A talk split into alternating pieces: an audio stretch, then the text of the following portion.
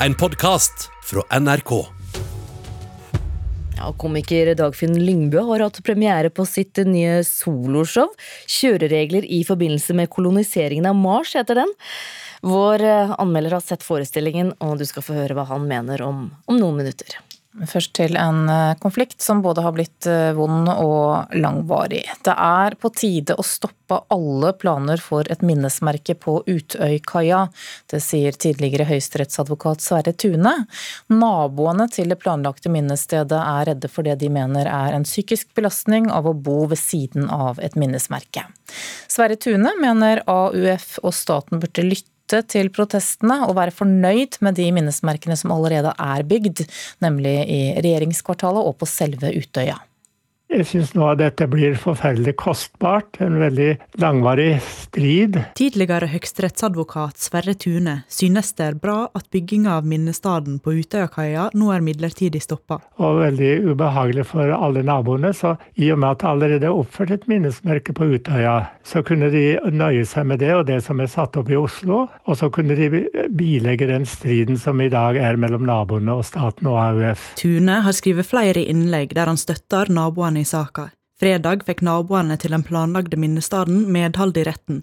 Bygginga av Utøyakaia er midlertidig stoppa inntil naboklagen på minnestaden skal opp i retten 30. november. Men selv om bygginga av selve minnestaden er stoppa, får Statsbygg lov til å holde fram med arbeidet på veien ned til kaia og selve kaia. Hegen Jo Askim er kommunikasjonsdirektør for Statsbygg. Dette arbeidet fortsetter vi med, mens arbeidet med minnestedet vil, vil vi da mm, måtte stoppe. Også de forberedelsene som ligger i forhold til det, eh, til vi eventuelt får en annen avgjørelse ved et senere tidspunkt. For i november skal naboene sitt søksmål opp i retten. De vil ikke ha en minnestad på Utøyakaia. Hvis dette blir en langvarig rettsprosess, eh, så er det verste som kan skje at vi ikke får den framdriften vi, vi trenger. Eh, og Det betyr at da vil vi ikke ha et nasjonalt minnested klart til markeringen 22.07.2021 for terrorangrepene. Det haster altså om en skal komme i mål til tiårsmarkeringa. Kommunal- og moderniseringsminister Nikolai Astrup er skuffa over at arbeidet er stansa inntil videre. Vi hadde en tydelig ambisjon om at vi nå skulle få minnestedet på plass til tiårsmarkeringen. Nå er det ikke sikkert at det går, eh, hvis tingrettens kjennelse blir stående. og Det er også derfor vi anker saken. Sverre Tune sier at nok er nok, og mener at det riktige vil være å droppe anken på den midlertidige stoppordren. Derfor burde de ikke anke, de burde trekke den anken. NRK har vært i kontakt med AUF, men de ønsker ikke å kommentere denne saka. Reporter her, det var Emily Louisa Milan Eide. Kulturkommentator Agnes Moxnes, god morgen. God morgen. Er det på tide å droppe minnestedet etter 22. juli? Nei, jeg syns ikke det. 77 mennesker ble drept den 22. juli 2011. Eh, mange av dem bare ungdommer, eh, og behovet for å ære dem syns jeg ikke går over. Men det er klart at uroen rundt denne byggingen av et minnested i Hole kommune, det kaster lange og, tunge skygger. Og så hørte vi juristen Sverre Tune her si at det er nok med minnestedet på Utøya og i regjeringskvartalet. Og da har jeg lyst til bare minne om at minnestedet på selve Utøya er jo ikke tilgjengelig for de fleste av oss som opplevde 22. juli. Og så langt så er regjeringskvartalet en byggeplass, og det kommer antageligvis til å være frem til nærmere 2030, selv om det er et midlertidig minnested eh, på plass der nå. Mm. Så kan jo noen lure på hvorfor blir det tatt så mye hensyn til eh, disse naboene, når vi vet at eh, mange har mistet barna og sine kjære i dette terrorangrepet? Ja, det er mange som stiller seg det spørsmålet, men naboer skal høres, uansett om det skal bygges veier eller en næringspark i nabolaget laget, eller da som i dette tilfellet her et minnested. Kunne dette vært eh, unngått dersom disse naboene hadde blitt eh, trukket sterkere inn i arbeidet med et minnested i første omgang? Ja, altså I etterpåklokskapens eh, klare lys er det flere ting som kunne og burde vært gjort annerledes fra statens side i denne saken her. Men jeg tror det er viktig å huske at i Norge så har vi heldigvis ingen erfaring fra hvilke, hvilke følger et terrorangrep har. Og det er vel egentlig det vi er i ferd med å lære oss eh, nå, og, og på en veldig smertefull måte for mange. På fredag så stoppet jo eh, Ringerike tingrett byggingen av minnestedet. Hva var den juridiske begrunnelsen for det?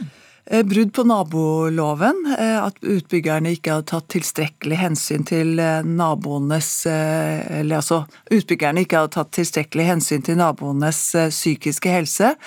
Og vi må ikke glemme at naboene så og opplevde tragedien på veldig nært hold. Og de retten mente jo også at det ikke har vært noen reell involvering av naboene når det gjelder valg av minnested. Hvilken betydning har det da at arbeidet stanser så lenge? Ja, den, Det er vel at sjansene for å få minnestedet ferdig til tiårsmarkeringen minsker. Det skulle jo vært avduket eh, et minnested allerede i 2015. Kan du si litt om hva slags minnested dette er planlagt å være? Eh, det skal være 77 eh, søyler, kobbersøyler, som skal settes opp i en slags sånn buet form. Eh, helt nede ved vannkanten på landsiden da, av Utøya. Og det skal være på Utøyakaia, der båten frem og tilbake til Utøya går. Hvor langt fra naboene er det? Det er, det er, det er jo ganske tett alt der, men det ligger ganske diskré, vil mange si, helt nede ved vannkanten. Men det er jo klart at det er jo en endring av både landskapet og funksjon. Mm. Så har også uh, Ringerike tingrett øh, stoppet byggingen inntil videre. Hva skjer videre nå? Altså Forrige gang øh, naboene truet med en rettssak i 2016, så trakk jo staten seg. Det har de nok ikke tenkt å gjøre nå. Både regjeringen ved kommunalminister Nikolai Astrup og AUF har meldt at de skal anke avgjørelsen fra Ringerike tingrett. Og da vil jeg tro at de paragrafene om naboloven som dommerne anvendte, kommer til å bli nærmere belyst. Ok, Vi følger med. Takk skal du ha, kulturkommentator Agnes Moxnes. De siste årene har filmbransjen blitt kritisert for manglende mangfold. Det kommer spesielt til syne i prestisjefulle filmutdelinger som Oscar-utdelingen i USA og BAFTA i Storbritannia. Kulturreporter Oda Elise Svelstad, nå gjør BAFTA endringer for å øke mangfoldet? Ja, BAFTA, altså British Film Awards, har annonsert en total snuoperasjon av prisutdelingssystemet sitt. Blant annet kommer de til å ta inn 1000 nye komitémedlemmer med minoritetsbakgrunn. En annen endring er at eh, komitémedlemmer må se ei liste med 15 filmer, for å unngå at det er de mest berømte filmene som skal eh, dominere nominasjonslistene. Og eh, for å øke mangfoldet i kategorien beste regissør, skal nå halvparten av de nominerte være kvinner. Og dette er eh, noen få eksempel på flere endringer de nå gjør, som et forsøk på å anerkjenne mer eh, mangfoldige talent. Men, men hvorfor gjør de dette nå? Som du sa i stad, har jo filmbransjen blitt kraftig kritisert eh, for å ikke speile mangfoldet som finnes i samfunnet, og emneknaggen Oscar So White gikk jo viralt for noen år siden, og BAFTAs So White gikk viralt tidligere i år for å understreke nettopp det at de fleste nominasjoner, og dermed også priser, går til hvite filmskapere og skuespillere. Faktisk var det ingen flerkulturelle skuespillere som var nominert til BAFTA i år, og i kategorien beste regissør var det nok en gang bare menn som var nominerte, ingen kvinner. Eh, dette gjorde komiker Rebel Wilson et humoristisk poeng ut av da hun skulle dele ut denne prisen under årets BAFTA. Sam Mendes, Martin Scorsese, Todd Phillips, Quentin Tarantino, Bong Joon-ho.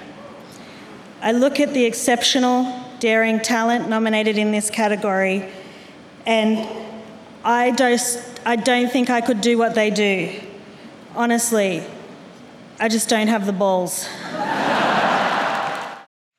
Hun fikk altså stående applaus da hun pekte på at ingen kvinner var nominert i kategorien beste regissør, også den Oscar-vinnende regissøren Steve McQueen fortalte den gang til The Guardian at eh, BAFTA risikerte å bli irrelevant hvis de ikke endra seg og anerkjente flerkulturelle talent. Eh, så disse endringene BAFTA nå har gjort, er et resultat av det. Og BAFTA kan jo nevnes der derimot ikke først ute. For to uker siden kom The Oscars med nye mangfoldskrav i kategorien beste film. Takk skal du ha, kulturreporter Oda Elise Svelstad. Dagfinn Lyngbø har laget standupshow i over 20 år, og på fredag så var det premiere på hjemmebane. Og når du er mann, så kan det være heldig å falle for en dame med litt sånn mørk, sensuell stemme. Eller du kan falle for en dame med litt sånn lys, sensuell stemme. Jeg har jo en kone med litt sånn spiss, sensuell stemme. Litt sånn sirkelsag-sexy. Ja, På Forum Scene i Bergen viste Lyngbø sitt nye soloshow 'Kjøreregler i forbindelse med koloniseringen av Mars'.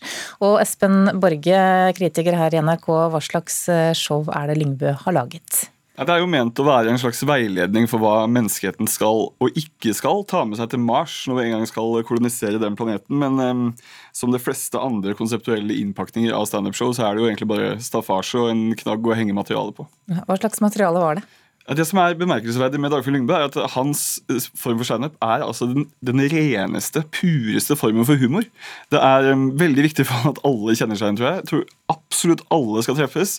Og når du gjør det, så må du jo helt ned på det elementære i eh, humoren. Altså, da, du, da, er det svigermor som er den eldste felles fienden vi har i humoren. Helt sikkert siden steinalderen. Det er uh, veldig mange min kone-vitser. Det, det, er veldig populært. Og så er han jo en mann på over 50 år, så det er klart at ting som har vært moderne og nytt de siste 20 årene, får vi også gjennomgå. F.eks. elsparkesykler, elbiler, crocs, bloggere og sånne ting. Men folk ler jo. Jeg tror ikke det er fordi det er så banebrytende og ny observasjonshumor, men jeg tror det er en slags refleks som oppstår når man hører svigermor. Så tenker man sånn Å ja, svigermor hun er dårlig, det husker jeg fra forrige gang jeg hørte en vits. så nå, nå må jeg le. Men også fordi Filmer kan ta helt ordinært materiale og løfte det ganske til nye høyder. Ja, på hvilken måte? Han, er jo, altså han har jo holdt på i mange år, så han er jo en meget rutinert komiker. Han har um, upåklagelig timing, fantastiske act-outs. Og så har han jo et stemmegalleri som ikke så mange andre har. Så Hvis det mot formodning skulle være en svigermorvits som ikke lander, så kan han eh, redde det med en fin improvisasjon eller lignende. Men så spørs det da, hvor lenge man egentlig kan holde på med helt ordinært materiale, levert teknisk perfekt, før man blir akterutseilt. Okay, det høres ut som du ber egentlig Lyngbø om å fornye seg litt? Jeg, jeg syns han burde det, da, men jeg tror ikke han er enig i det. Jeg tror ikke han syns at han trenger det. Jeg tror, ikke, jeg tror den bankkontoen hans sier at det går ganske bra, dette her. Og jeg tror de som kjøper billetter til showene hans, øh, øh, kommer til å gjøre det resten av livene sine. Øh, så jeg tror det kommer til å rullegå i mange år til, dette her. Altså. Mm. Vi skal avslutte da med et slags terningkast på, på, kjøreregler i forbindelse med koloniseringen av Mars. Ja, det blir jo litt som å trille terning på Grandiosa. Det er ikke spesielt høy kvalitet, men det er veldig trygt og hjemmekoselig og forutsigbart, så det blir en svak firer. Ok, Takk skal du ha, Espen Borge, humoranmelder for NRK. Og dette showet det spilles i Bergen ut året, og i Oslo fra neste vinter. Du har hørt en podkast fra NRK. Hør flere podkaster og din favorittkanal i appen NRK Radio.